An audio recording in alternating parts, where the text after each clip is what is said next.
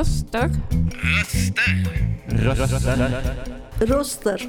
Dagens programledare är Kai och Olof.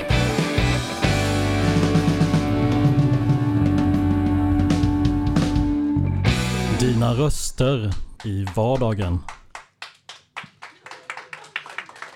Ja, det var det obligatoriska momentet också. Men eh, tack så mycket. Eh, ja, hej och hjärtligt välkomna till dagens eh, eh, fontänbubbel. Alltså det är torsdagen den 17 maj, Onsdagen. Norges födels ja, onsdagen den 17 maj, Norges födelsedag. eh, Som säger. Eh, så vi grattar väl dem. Eh, men eh, vi har annat att eh, gratta så att säga, eller, eller stryka medhårs eller, eller, eller grilla eller vad man nu ska kalla eh, idag. För vi, vi kommer ha en gäst här eh, med, på, på temat eh, eh, civil olydnad och eh, samhällsförändring. Och vår gäst som vi kommer ha det är alltså Pontus Bergendahl från Extinction Rebellion. Men vi ska börja med en definition av civil olydnad och den lämnar jag över till Kaj att redogöra för det. Ja. Eh, väldigt kort och koncist så är civil olydnad en metod för samhällsförändring som går ut på att öppet bryta mot en eller flera lagar utan att använda våld samt vara beredd på att ta konsekvenserna av agerandet.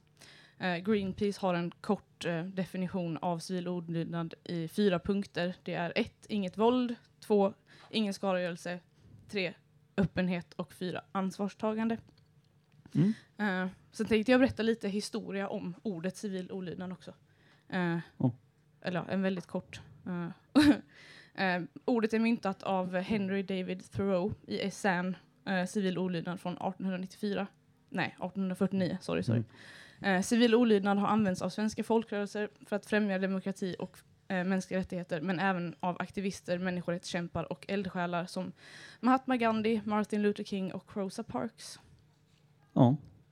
Och eh, då har vi alltså XRs definition då, de som är Extinction Rebellion som vi kommer att intervjua, vars företrädare vi kommer intervjua idag. Deras definition av civil olydnad, eller, eller så som de motiverar sin, sin version av civil olydnad, det är att icke-våld är grunden för allt vi gör. Vi förespråkar ett fredligt och kreativt uppror eftersom vi anser att det är nödvändigt i det nödläge, nödläge som vi befinner oss i. Vi uppmanar människor att samla mod och tillsammans göra det som krävs för att åstadkomma förändring. Uh, ja, um, och uh, som sagt alltså för att gå in på lite historia vad det olika civil olydnad har betytt så har ju till exempel uh, Mahatma Gandhi, eller Mohandas Gandhi som han egentligen hette, han ledde ju den här, han protesterade till exempel mot, mot kolonialismen av, av Indien genom saltmarschen där de framställde eget salt för att inte bli beroende av deras monopol, så att säga, britternas monopol. Och, eh, och eh, hade sådana svältuppror och så. Och eh, Martin Luther King och Rosa Parks, de var inblandade i den här medborgarrättsrörelsen i USA. För där svarta diskriminerades på 60-talet. Och de använde alla samma metod, det var civil olydnad. Och ja, men vi tänker vi börjar med att lägga på poddens, det här programmets första låt. Mm.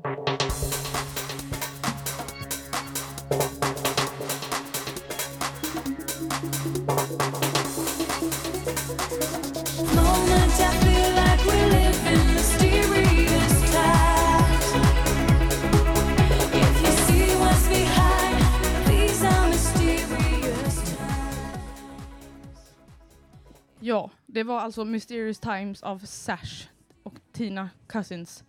Eh, där vaknade man till kände jag av den låten. Det var lite fullt ös medvetslös. Liksom. Eh, ja, nu ska vi presentera vår gäst. Och eh, en snabb sökning på Google eh, ger eh, Pontus Bergendahl, aktivist, 53, trebarnspappa från Lund. Eh, första klimataktivisten i svenskt fängelse. Eh, dömd till två månaders fängelse och- för en aktion att stoppa ett flygplan från att lyfta. Eh, men vi vill gärna höra vem du är från liksom, dig själv. Hej! eh, Och först, tack så hemskt mycket för att jag blev inbjuden. Och jag tycker det är så trevligt att se att det är publik här också. Det brukar inte Ja. vara när vi spelar in poddar. Så att, tack så hemskt mycket. Det stämmer väl ganska bra. Jag brukar säga det att jag var en helt vanlig eh, trebarnspappa förut. Jobbade som mellanchef här i Lund på ett eh, företag på Ideon och eh, blev väldigt, väldigt orolig för klimatförändringarna. Och för några år sedan sa jag upp mig för jobbet och jobbar nu ideellt eh, för, eh, för klimatet som klimataktivist. Och eh, precis nu senast i, januari, februari i år så satt jag i fängelse två månader för att stoppa några flygplan. Wow. Jo, det, det är en hel del historia du har där och, och eh, det, det finns, vi har ju en, hel del frågor på det. Ja, en hel del. Vi har elva frågor Ja. som vi har fått ihop. Man vet Ja. liksom inte riktigt vart man ska börja. Eh, ja, eller jag tänkte typ att jag ville spinna vidare på det som du började prata om. Men vi tar frågorna en efter en. Ja. Eh, ja. Eh, kan man utöva civil olydnad på olika sätt enligt er i XR? Det kan man absolut göra. Eh, eh, för det första vill jag säga det att definitionen som ni läste upp förut, det var ganska bra tycker jag. Eh, man kan gå väldigt djup, mycket djupare in i Er definition eller de, eller de andra definitionerna? Ja, båda. Båda tycker jag är bra. Jag, jag kan skriva under båda. Och eh, civil olydnad kan göra på många olika sätt, så länge man håller sig till de principerna. Och det är väldigt viktigt att hålla sig till Mm. framförallt icke-våld, alltså eh, fredligt. Mm. Och eh, det övar vi oss i eh, kontinuerligt hela tiden. Så att om man blir provocerad av arga bilister eller vad det nu kan vara för någonting så gäller det att hela tiden ha lugnt bemötande. När polisen kommer det är precis samma sak, då är vi alltid lugna, Vi gör aldrig något motstånd, vi står alltid för våra handlingar och liknande. Så det är de viktiga principerna. Och sen, sen kan man göra, det finns ju civilkurage som ett begrepp också som är ganska nära besläktat till civil olydnad. Och civilkurage, det kan ju vara till exempel att man hjälper någon som har skadat sig ut på vägen eller liknande. Och jag tycker civil olydnad är likt det. Med skillnaden att civil olydnad så bryter du mot lagen upp, eh, eh medvetet. Men det är att stå upp för viktigare moraliska värden. Eh, och eh, oavsett vad lagen säger. Det är egentligen det det handlar om. Och vi, vi tycker att vi agerar utifrån en nödsituation och försöker göra det som man kan göra för att rädda oss från en total katastrof. Vi har en, en annan fråga då som jag har i, alltså, alltså ni, ni framställer, jag har ju själv lyssnat på er, eh, på den, eh, vad heter det, Klimatpodden där du var med Ja, just i, i det. ett, i ett Mm. avsnitt. Och då pratade du om, eh, om, om det här att det var det enda, enda riktiga alternativet att, att göra civil olydnad, att det, det var så svårt med, inom politiken eftersom ingen ändå lyssnar, det händer ingenting på området. Exakt. Eh, men jag undrar, kan man verkligen säga att det stämmer eftersom vi, vi har ju mycket debatten om miljöproblemen som vi hade på 60 och 70-talet finns inte på samma sätt idag. Alltså, de hade den här eh, eh, försurningen, först var det oljekris och, och sen löste man ju ändå en massa med, med, med te- teknik. Alltså vi har den här historien, gammalt historia med kak, kakelugnen som var en sån här te- teknisk sak som hjälpte, som, som löste väldigt många miljöproblem på den tiden när den uppfann. Och sen, Ja. sen hade vi ju en massa ändå att ozonlagret höll på att lä läcka, men då, då hittade, man, hittade man modern teknik som man kunde förbjuda freon och, och liknande saker. Man införde katal katalysatisk avgasrening i bilar, så man har, har ändå hittat en massa sådana metoder och eh, kan- liksom för, så kan man verkligen säga att det inte finns något, att, att, man inte, att det bara är civil olydnad som hjälper, att, det inte är nå- att det inte, man inte kan påverka det politiskt. Alltså att, att även forskning och kunskap, att det kan bidra till. Eh, Det, det finns vissa saker som skiljer. För det första skulle jag säga det här med freonerna och andra eh, allvarliga eh, miljöproblem Ja. som, som var livshotande på, det- på Ja. det sättet. Där var det också civil olydnad involverad, men vi har glömt det. Och oftast är det Mm. så när man har civil olydnad, det är vissa exempel som man har sett, Mm. till exempel de- som ni räknade upp, Martin Luther King, Gandhi, Rosa Parks. Ja. Men oftast är det så att man, s- där man glömmer bort de som verkligen har gjort civil olydnad. Och sen finns det en väldigt, väldigt viktig skillnad mellan klimatkatastrofen idag jämfört med ozonproblematiken eh, problematiken till exempel. Och det är att den är så, den omfattar hela samhället. Och vi ser idag att vi har en politisk låsning vilket gör att politikerna är oförmögna att hantera situationen. Men ozonlag, om vi tar ozonlagret så var det ju minst lika, alltså det, det riskerar ju både att bidra till, bidra till global uppvärmning och, och orsaka aggressiv UV-strålning. Så det är, det är inte Ja. så att hoten, hoten är mindre, är, är större egentligen idag, utan det har varit konstant vissa stora hot. Lösningen var enklare. Det var det som var Ja. den, stora skillnaden. Ja. Eh, men sen kan man också säga att eh, om, om man jämför nu historiskt, till exempel på, uh, vi kan ta medborgarrättsrörelsen. Ja. Där såg man, det var precis samma politiska låsning då som, som vi, vi ser idag, där polis, politikerna inte var förmögna att hantera situationen. Och det var en majoritet som förtryckte en minoritet. Och i ett demokratiskt majoritetsröstsamhälle så Mm. förtrycktes de hela tiden och då behövde man förstärka demokratin med civil olydnad. Och jag ser ju att civil, olydnad är och, har, och, äh, och kommer alltid vara en del av västerländsk demokrati. Vi hade aldrig haft civil olydnad om vi inte hade haft, eller vi hade aldrig haft demokrati om vi inte hade haft civil olydnad. Så det är i grunden ett väldigt viktigt demokratiskt verktyg vi har.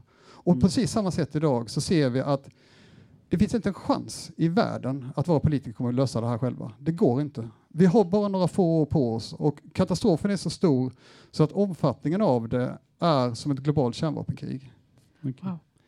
Eh, Du har egentligen redan nästan svarat på den frågan, alltså varför så att säga bryta mot lagen.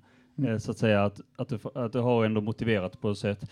Eh, Men samtidigt, samtidigt undrar jag hur känns det att göra motstånd? Alltså, det, det, har ju ändå verkat på det som att du får en kick av det så att säga när man, när man hör det, att, att, att du får en kick av att på något sätt vara, vara den som står i startfältet.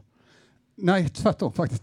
Det, det, det, är helt, helt tvärtom. Eh, Mm. Att, göra, att göra fredlig civil olydnad på den nivån som jag har gjort är jätte, jättejobbigt. Eh, Jag, varje gång jag gör en aktion så har jag en klump i magen och eh, är yr i huvudet av universitet.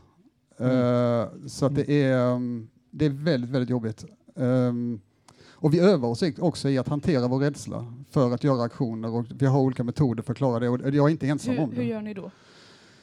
Jag hade ett problem att jag, eh, jag blev bara räddare och räddare ju längre jag eh, gjorde aktioner, vilket var väldigt konstigt för jag trodde jag skulle bli vänja mig och liksom bli mer modig. Och jag blev bara räddare och till sist så var det en gång vi skulle stänga en bank i Limhamn så var jag så rädd så att jag höll på att simma. Och då tänkte jag det här är någonting som är konstigt och då, då snackade vi om det och då visade det sig att det jag var rädd för var rädslan i sig. Så jag försköt, försköt rädslan hela tiden, vilket gjorde att rädslan blev bara större och större. Och den metoden som jag har använt nu för att försöka hantera det här, det är att omfamna rädslan och lära känna rädslan och på något sätt liksom acceptera att den alltid kommer vara där. Mm, mm. Ja, men då, då låter det som att du har, det, det är mycket, ska, det är inte bara det är inte bara positiva känslor som du får, utan det är att, du är taggad, utan det är, det är väldigt mycket att det är, mycket självuppoffrande också av den egna, på så att säga, för det som är. Ja, jag, jag, gör det, jag kan bara säga så att jag, Ja. gör, jag gör det här endast för att jag är helt övertygad om att det är rätt metod just nu eh, i tiden. Mm. Och ja, det är helt nödvändigt med tanke på den katastrof vi står inför. Eh, jag tänker, det, det får man också tänka på det här att eh, vi har ju de här olika exemplen på civil olydnad som vi har tagit upp också med medborgarrättsrörelsen och, och, och många sådana olika och andra typer av civil olydnad. Ja. Men, och då, då har det ofta varit någonting man har, de, som har gjort har, har, har det varit en sista utväg så att säga. Alltså att, att det man gör, nu måste vi göra den här kampen, nu, nu, nu, nu, nu, nu tar vi det, det här, nu, nu är det vi som tar det här i egna händer. Men som jag har förstått XR och många så, så, är, så har ni ju det som en, eh, inte, jag vill inte säga hobby eller livsstil, men i alla fall som någonting ni gör regelbundet. Eh, är inte själva tanken med civil olydnad att det inte ska vara regelbundet, att det, det ska vara nu, nu, nu gör vi en specifik aktion? Och, eh, Eh, ja, både och. Det finns vissa aktioner som man kan göra bara specifikt, men oftast ger det bara medialt utrymme så att man uppmärksammar en fråga. Det vi har sett i, eh, både i Sverige och eh, internationellt, det är att om du ska påverka någon på riktigt så måste du göra återkommande kontinuerliga aktioner hela, hela, hela tiden. Och det har vi nu gjort de senaste två åren. Till exempel de här flygaktionerna som vi gjorde. Det var då tre, tre stycken vågor av flygaktioner. Sista gången var det 13 flygplatser samtidigt vi stängde i Sverige. Och nu är vi ute på motorvägarna med återställ våtmarker och då är vi också ute i typ i två veckor i sträck varenda dag. Ut motorvägarna, ut motorvägarna, ut motorvägarna varenda dag i två veckor och det är då man ser att det blir en effekt. Wow. ja, jag tänker vi återkommer snart så lägger vi på en låt. Ja.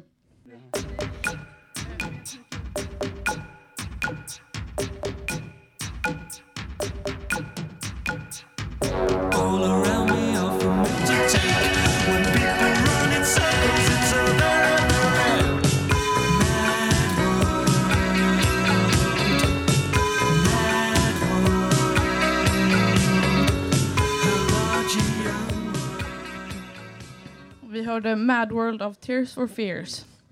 Eh, nu när vi har pratat lite av vad som liksom, hur det känns och att man kan vara rädd och sånt så undrar jag liksom vad som krävs rent så konkret för att kunna vara all in klimataktivist.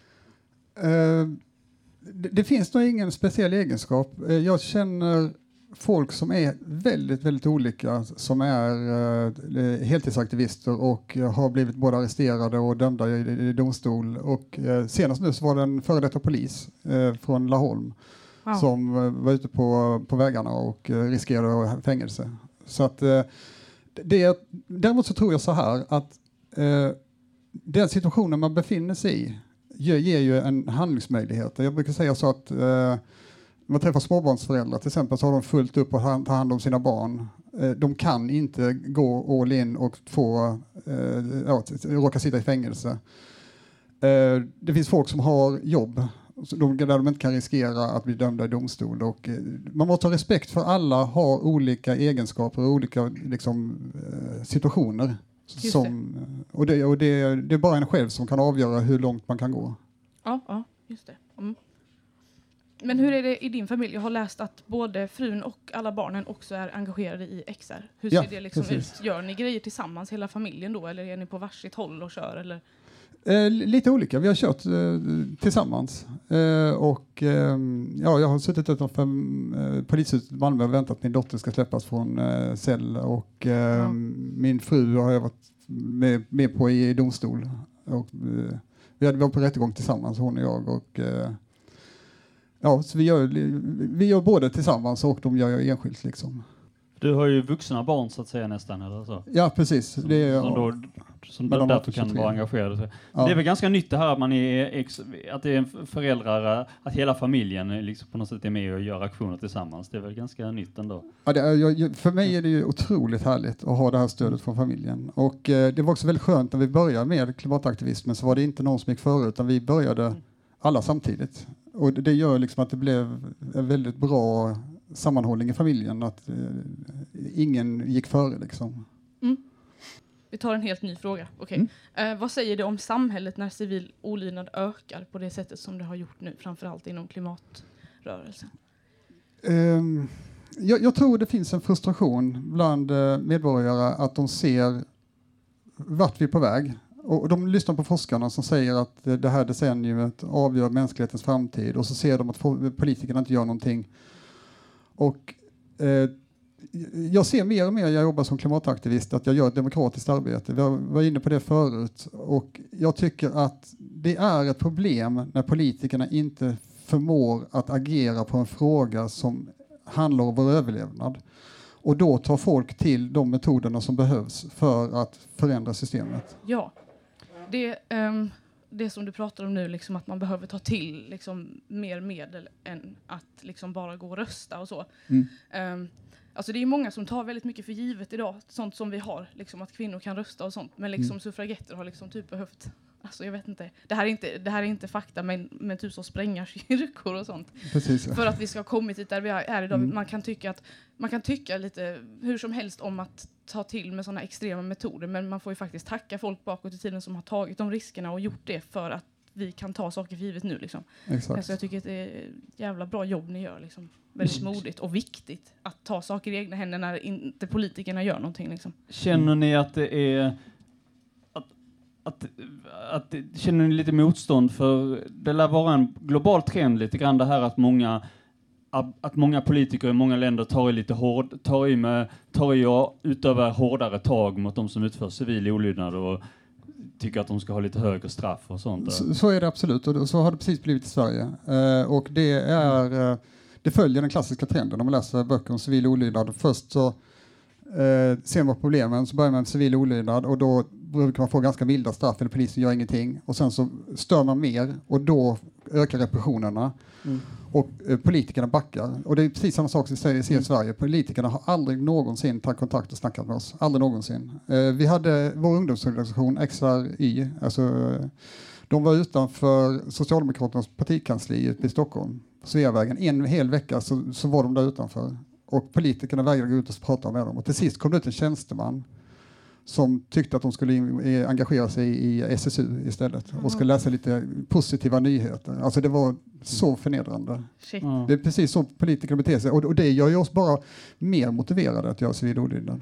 För jag tänker, där är det ju lite grann det som du själv tog upp i den här debatten, kl- klimat, eh, eh, Klimatpodden, att synen på, från vissa medier i Sverige då, bla- bland poli- och vissa politiker på civil olydnad är att ja, det är någonting, det är någonting som några, som några radikala tomtar eh, eh, ägnar sig åt, så att säga, trots att du belyste. Och det är helt riktigt att det finns ju en tradition inom liberalismen, liksom för övrigt kristendomen och många andra, så eh, vill jag tillägga, där, där, där eh, man har ansett att det var varit legitimt med civil olydnad. Och, eh, och, och, då, och, och till exempel eh, till exempel finns det vissa idag också, vissa, vi, vissa kristdemokrater som har, de, som har lyft fram det att det, det finns liksom en tradition för det, liksom, det behöver inte vara något fel, men och då, är, då, blir det, då blir det lite fel, lite konstigt att säga att ja, det är okej i dikt med den idéhistoriska tillbaka kan man säga att det, det är konstigt att säga att det är, det är rätt att göra det i, de, i diktaturer men fel att göra det i demokratier. Det blir en konstig, men det blir ändå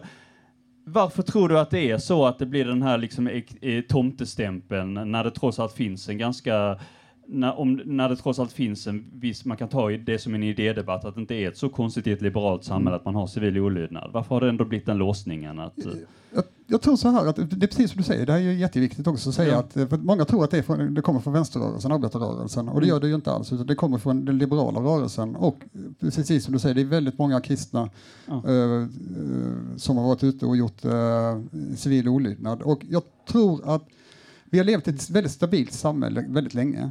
Ja. Och vi har glömt våra rötter, vi har glömt var vi har fått våra rättigheter ifrån. Ja. Och det är därför som man tror att eh, de, de, de, de klassiska eh, parlamentariska eh, vad heter det, vägarna ska funka. Och när det är uppenbart att de inte funkar så vet vi inte riktigt vad vi ska göra. Och då, jag tror det är det som är det stora problemet. Och vi ser ju på andra länder, som typ Frankrike, där det är mycket, mycket mer eh, legitimt att göra civil olydnad jämfört med Ja. Sverige. Eller England för den delen. Mm. Så det, det är speciellt i Sverige. ja. eh, jag tycker vi, tack så mycket för det. Vi lägger på en låt nu så återkommer vi snart. Caesar Chavez, maybe it was Dorothy Day. Lite snälla frågor. Some will say Dr. King or Gandhi set them on their way. Or march that picket line. Have you been to jail for justice? Will you go to jail for justice? Have you been to jail for justice? Oh, you're a mine. Eh, låten vi hörde precis valde ju du Pontus. Eh, Och den heter Have You Been To Jail For Justice med Anne Feeney.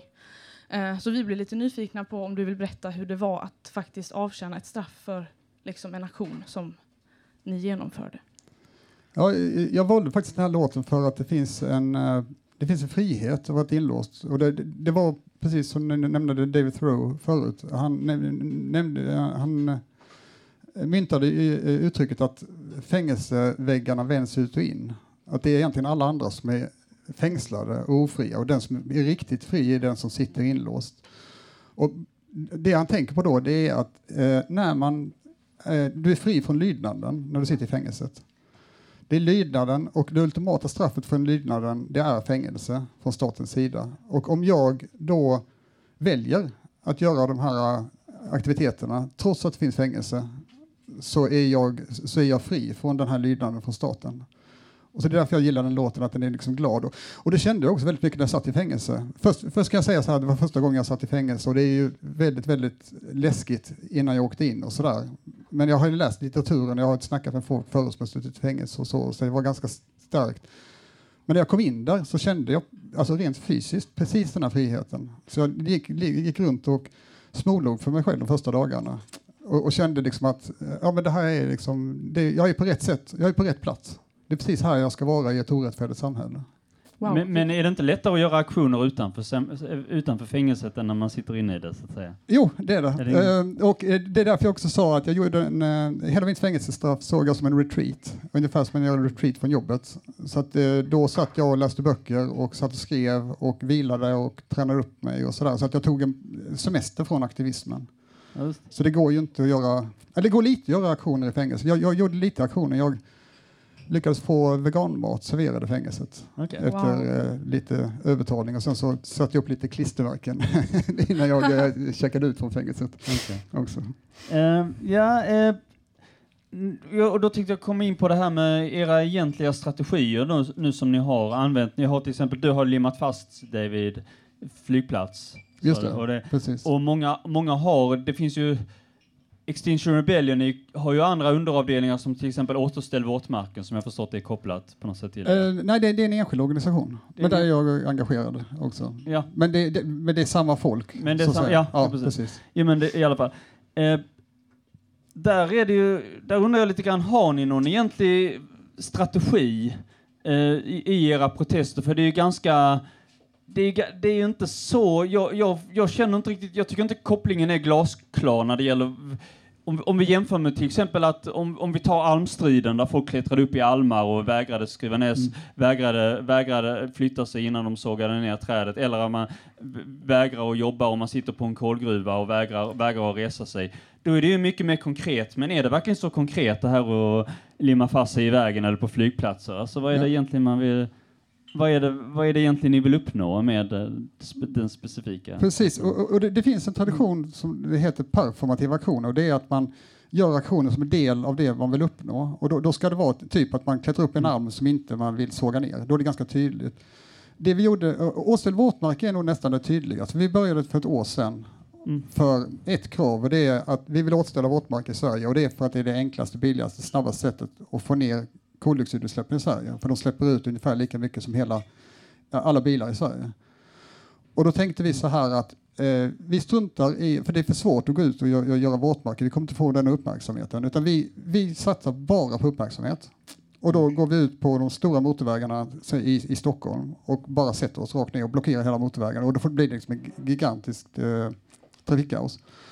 Och då tänkte vi så här att gör vi det återkommande hela tiden så kommer vi få så mycket uppmärksamhet så förr eller senare så kommer de skriva om varför vi gör det.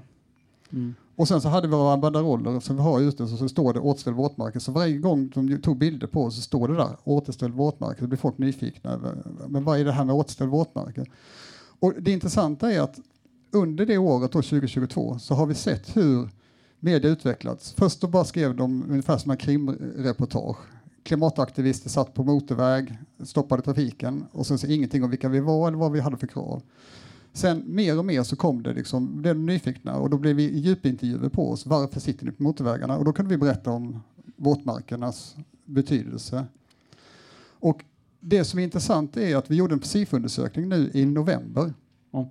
Och där visade det sig att 75 procent av svenska folket idag är för, för att återställa våtmarker. Antingen mycket för eller för att återställa våtmarker. Så vi har lyckats skapa en opinion på under ett år eh, där 75 procent av svenska folket tycker det är en bra idé att återställa våtmarker. Genom att bara sitta på motorvägar. Eh, Men alltså jag tänker just det där metoden att sitta på motorvägar och så, så är det inte väldigt risk att man får har ni inte fått ganska många emot det som tycker att eftersom det har ändå hindrat dels individperspektivet att många, många kanske är eh, blir frustrerade för att de inte kommer fram i tid och Ja. inte kommer fram till jobbet. Alltså, Så är det. Och det, vi har fått ett fruktansvärt mycket hat. Och det är mordhot och folk som har gått fram och velat slå oss och släppat bort oss och allting sånt där. Och för oss så har det ingen betydelse. Vi brukar säga att vi är inte är i en popularitetstävling.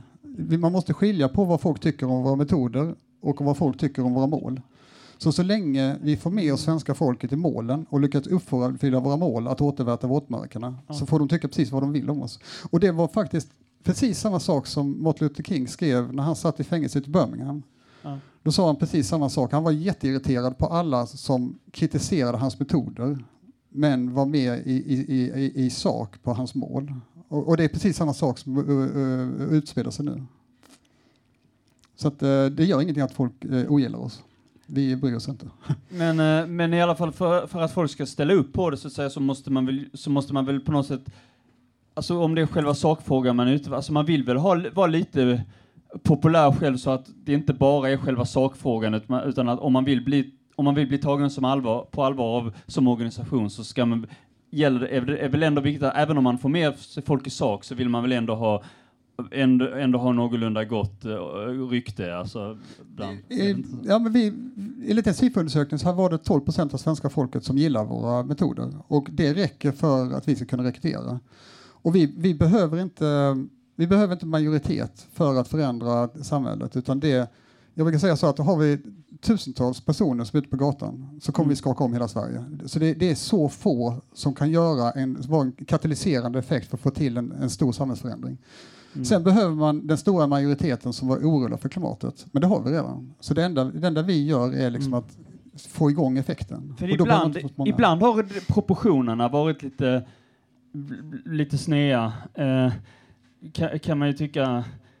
eh, Just det här att ni har eh, blockerat att, att det var någon ambulans som inte kom fram. Så spreds det ett rykte att personen i fråga hade dött i ambulansen. Det var väl inte sant vad jag förstått, men Nej. i alla fall att det var någon ambulans som hade blivit blockerad och då bli- blir inte det lite, blir inte det lite konstigt då att, att ändamålen hel- helgar medlen? Att eh, ja, en ambulans, eh, får- eh, får, eh, ambulanser kan dock anpassa sig, liksom deras, deras liv får stå på paus medan vi gör den här saken. Blir inte det lite...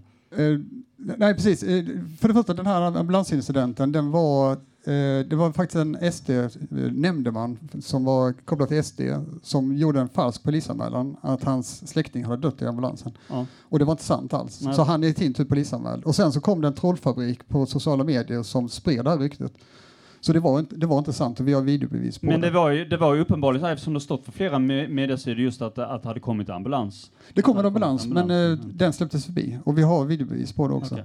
Och, och det, det är också en viktig grej att vi, vi övar oss alltid eh, i att eh, flytta oss för eh, när ambulansen kommer. Och vi gör alltid så också att vi ringer till polisen innan vi går ut på motorvägarna. Mm. Så polisen vet om det och vi har kommunikation med polisen så att säger de att nu är det utryckningsfordon på gång så flyttar vi oss direkt. Okej, eh, för vi, har en, vi ska snart lägga på ytterligare en låt. Eh, det är bara en fråga här lite kort. Mm. Eh, de brittiska XR, så att säga, de, de hade ju nyligen, jag förstått, fattat ett beslut att inte längre blockera motorvägar och flygplatser. Just det. Eh, vad, hur motiver, vet du hur de motiverar det och är det någonting som ni tänker på, som ni tar till er av så att säga? Ja, just det. De, de gick ut i något de kallar the big one, den stora demonstrationen. Och det var väl för några veckor sedan nu, så tänkte de att om vi låter bli att blockera och gör folk förbannade så kanske vi kan mobilisera jätte, jättemycket folk. Och de fick väl ungefär 100 000, så jag tror de fick ungefär lika många som de trodde. Och så var utanför parlamentet. Eh, när, när jag, det jag ser med effekten av det var att de fick väldigt, väldigt lite media och väldigt lite genomslag. Så att eh, för mig så är det ett exempel på att demonstrationer fungerar inte, tyvärr. Okej, eh, vi lägger på en låt så tar Mm. vi de, några frågor till sen.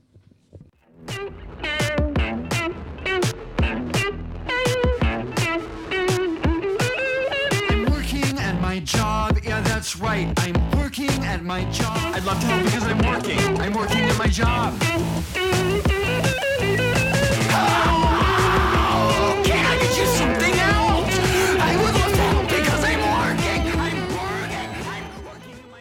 Vi hörde Customer Service av Sugar Pit. Ehm, nu tänkte jag att vi skulle gå in på ett obekvämt samtalsämne. Jag tänkte börja med att dela med mig av där jag eh, var med på en av XRs demonstrationer i Malmö. En sån här jättestor Fridays for Future-liknande grej. Liksom. Och jag Mm. kom dit med min krossa kapitalismen-skylt och blev ombedd av två personer att gå därifrån för att politik inte hörde hemma. Eh, Ah, på den demonstrationen. Och Ja. eh, därför tänkte jag ställa en fråga lite kopplat till eh, vad som står liksom i ert program. Ja. Eh, för det står ju att ni vill, nu ska vi se här, förhindra att den globala ekonomin eh, liksom överbelastar planetens eh, liksom resurser. Ja. Ehm, och det undrar jag, hur ska man göra det med tanke på att vi lever i ett kapitalistiskt samhälle där ekonomin styr precis allt? just det. För det första så tycker jag det är konstigt att du var eh, ombedd att gå därifrån. För att, eh, jag ser inte det som ett, ett partipolitiskt budskap, men eh, det, det kanske, jag vet inte varför det hände. Eh, däremot så, så tycker jag ju också att eh, eh, vi måste ändra hela det ekonomiska systemet. Det är ingen tvekan om det. Och vi behöver något mer cirkulär ekonomi. Eh, och hur det här ser ut är jag inte expert på, men eh, jag vet hur stor förändring vi måste ha och jag, jag, jag ser också att den här ohämmade konsumtionen vi har är totalt omöjlig. Mm, mm.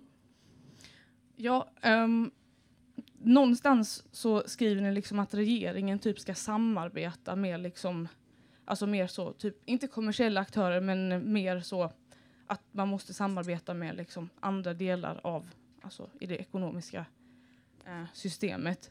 Eh, men vi undrar lite, men det strider ju mot deras intressen liksom att gå med vinst hela tiden, gå med vinst liksom. Hur ska man Mm. liksom enas med alltså, kapita- alltså faktiska kapital liksom, om hur, hur man ska ställa om hela samhället så att, för de kommer ju liksom inte vara... Alltså det finns ju vissa branscher, om vi tar till exempel oljeindustrin, som har ett rent intresse av att ha business as usual, så att Ja, säga. Och ska, man, precis. eh, ska man förhandla med dem eller ska man, eller ska man så att säga ignorera dem? Eller ska man... Ja, Jag tror, jag tror ju att eh, det, går ju inte att eh, behålla det precis som det är, för man märker det så otroligt tydligt. Precis som ni säger, det här med oljeindustrin eller till exempel skogsindustrin, när jag har varit ute i, på skogsaktioner, att de drivs av vinstintressen. Och det är till och med olagligt i Sverige att från ett, ett bolag inte driva vinstintressen. Så att eh, eh, hela, hela liksom systemet, både juridiska och det kapitalistiska systemet, är uppbyggt på att förstöra vår jord så snabbt som möjligt. Tyvärr. Ehm, Fast det beror väl mycket på vilka, alltså, vilka företag, hur man sitter, vilken teknik de sitter. Om de sitter på föråldrad teknik som inte är anpassad så kommer man ju naturligtvis att bjuda motstånd och försöka Mm. övertala. Så det handlar ju om hur långt framme man är, hur anpassningsbar man är också så att säga. Precis. Men, man kan också säga, se att det finns ju också, eh, alltså det kapitalistiska systemet är ju ganska brett. Man kan se småskaliga eh, kapitalistiska lösningar med lokalodling och liknande saker som säkert skulle funka jättebra. Eh, jag tror ju att det är inte jag som ska bestämma hur det här ska se ut, utan jag Mm. tror, det är därför vi har som krav också på medborgarråd. För jag tror att vi måste ha in en annan typ av eh, råd för att lösa de här, de, de här väldigt, väldigt svåra frågorna vi har. Ett problem där som jag ser det är ju att eh, alltså det förutsätter på något sätt att, det är demokratiskt fattade, för det är inte alla delar av världen, alltså det här är en stor del och det finns många länder som är diktaturer Mm. och det är ganska svårt, hur upprättar man fungerande demokratiska medborgarråd på sådana platser så att säga? Det är jättesvårt och det är där jag tror att eh, jag tror bara vi kan lösa den här katastrofen med mer demokrati. Alltså, vi, diktaturer har aldrig någonsin löst några klimat eller miljöproblem. Så jag, och jag tror ju att eh, de stora problemen vi har här i Sverige det är ett underskott av demokrati. Vi måste öka demokratin mycket, mycket mer och öka inkluderingen eh, så att folk känner sig delaktiga i eh, de lösningarna som vi tar fram. Mm. För det är vi som kommer drabbas både av klimatkatastrofen och den omställningen som är nödvändig att göra. Just det. Ja, det, ja, det, det...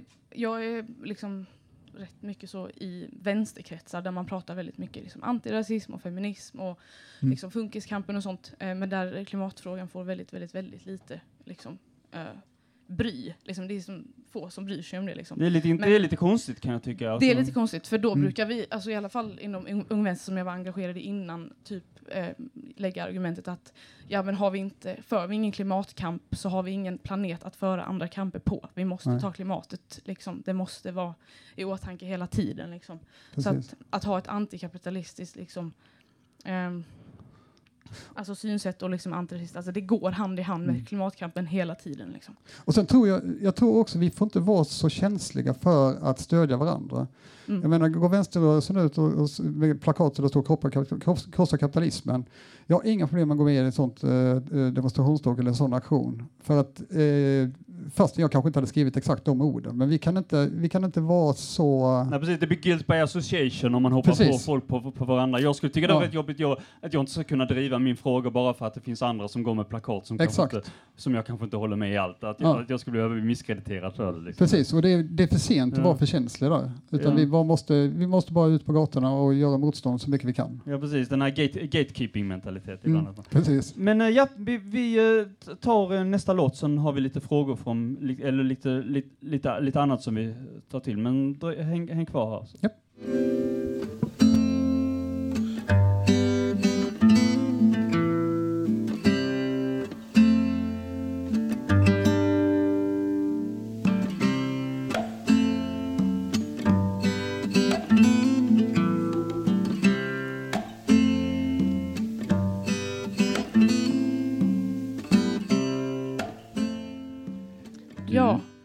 Hörde vi Forever med Ben Harper. Och nu ska vi ha eh, en gäst till som ska få läsa en text. Yes. Välkommen Mattias. Tack, tack. Jag tänkte fördjupa mig i det du sa innan om Henry David Thoreau och civil, civil olydnad. Definitionen av den. Henry David Thoreau föddes 1817 i USA, Massachusetts. Han var en amerikansk transcendentalist, naturalist och politisk aktivist. Mest känd för sin bok Valden och essä Civil olydnad. Han försökte förlänk- förenkla sitt liv genom att leva i harmoni med naturen och dokumentera detta i sin bok Valden. Men framför allt var Thoreau en anhängare av civil olydnad mot orättvisa eller korrupta regeringar. Han stod för civil olydnad exempel i form av att vägra betala skatt för slaveri. Thoreau höll föreläsningar under denna, denna tid som kallades Rätten och plikten av individen i relationen till regeringen. Hans essä Civil olydnad fick stort inflytande. Hans politiska arbete och teori om civil olydnad har berört många personer. Till exempel Mahatma Gandhi, Martin Luther King Jr och John F Kennedy. Henry David Thoreau dog 1862 i USA, Massachusetts. Senare under 1900-talet skulle Thoreaus arbete som sagt inspirera några av historiens viktigaste protestledare. Thoreau framförde flertalet teoretiska antaganden om demokratins natur och relationerna med medborgaren och regeringen helt enkelt som berörde. En sann pionjär för sin tid. Tack. Och du hade en fråga, eller flera, till Pontus. lite frågor som kan relatera till Henry Thoreau. Då, hans brand för naturen då, i, sin filosofi transcendentalism. Mm, precis. Ja. Alltså, fråga, vad är egentligen den ideala relationen mellan natur och civilisation som Henry David Thoreau så mycket brann för? På vilket vis ska vi bevara det vilda och naturen? Är det genom klimataktivism till exempel? Just det. Ehm, jag, jag själv är väldigt inspirerad av David Thoreau och läste hans bok igen. Walden är fantastisk. Det tog nio år för att planera den. Ja. Jag bodde två år ute i skogen. Ja, Just det, precis ja. ja. Walden, Walden Pond där. ja. Och, och som jag sa också, jag läste om boken innan jag åkte i fängelse för det finns väldigt mycket texter där. Och Gandhi hade förresten den boken alltid i sin ficka. Det är en liten ja. bok, vad är det, 80 sidor, så den är väldigt, väldigt liten. Han säger, Ehm, han säger att, att mänskligheten som har levt i tyst desperation. Han. ja. Något sånt sa Däremot kan jag säga det att eh, förhållandet till naturen, eh, jag håller med honom mycket, i, men det, det här var för 150 år sedan. Nu känner jag att det är så extremt mycket värre. Nu handlar det om att rädda allt man bryr sig om och allt man älskar. Mm. Alltså det, nu handlar det inte om att eh, bevara skogar eller ha någon sorts eh, naturlig relation från människa till naturen, utan det handlar det om en total överlevnad. Så det, det är liksom på ett mycket, mycket värre plan Helt idag. plan. Ja, men eh, visst, jag, jag eh, kan sympatisera med mycket tror jag har sagt om relation till naturen också. Jag känner till transcendentalism som Ralph Waldo Emerson också skapade. Han pratar mycket om harmoni med naturen. Ja, ja bevara, bevara naturen liksom. Ja. Ja. Mm. Och vi är, ju, vi, vi är ju en del av det ju. Absolut. Att- Ja. Det var allt. Tack så mycket. Tack Mattias. Ja, är det någon mer som har någon fråga? Eller nej? Att eh, falskt alarm, vi har inte tid för mer. eh, vi, tackar, eh, vi, tackar, vi tackar Pontus idag, eh, vår gäst då, så att säga. Och, och så, och så eh, tack så hemskt mycket för den här, eh, för att du tog dig tid att svara på alla frågor. Och det var mycket givande, man fick själv lära sig en hel del som man inte känner till.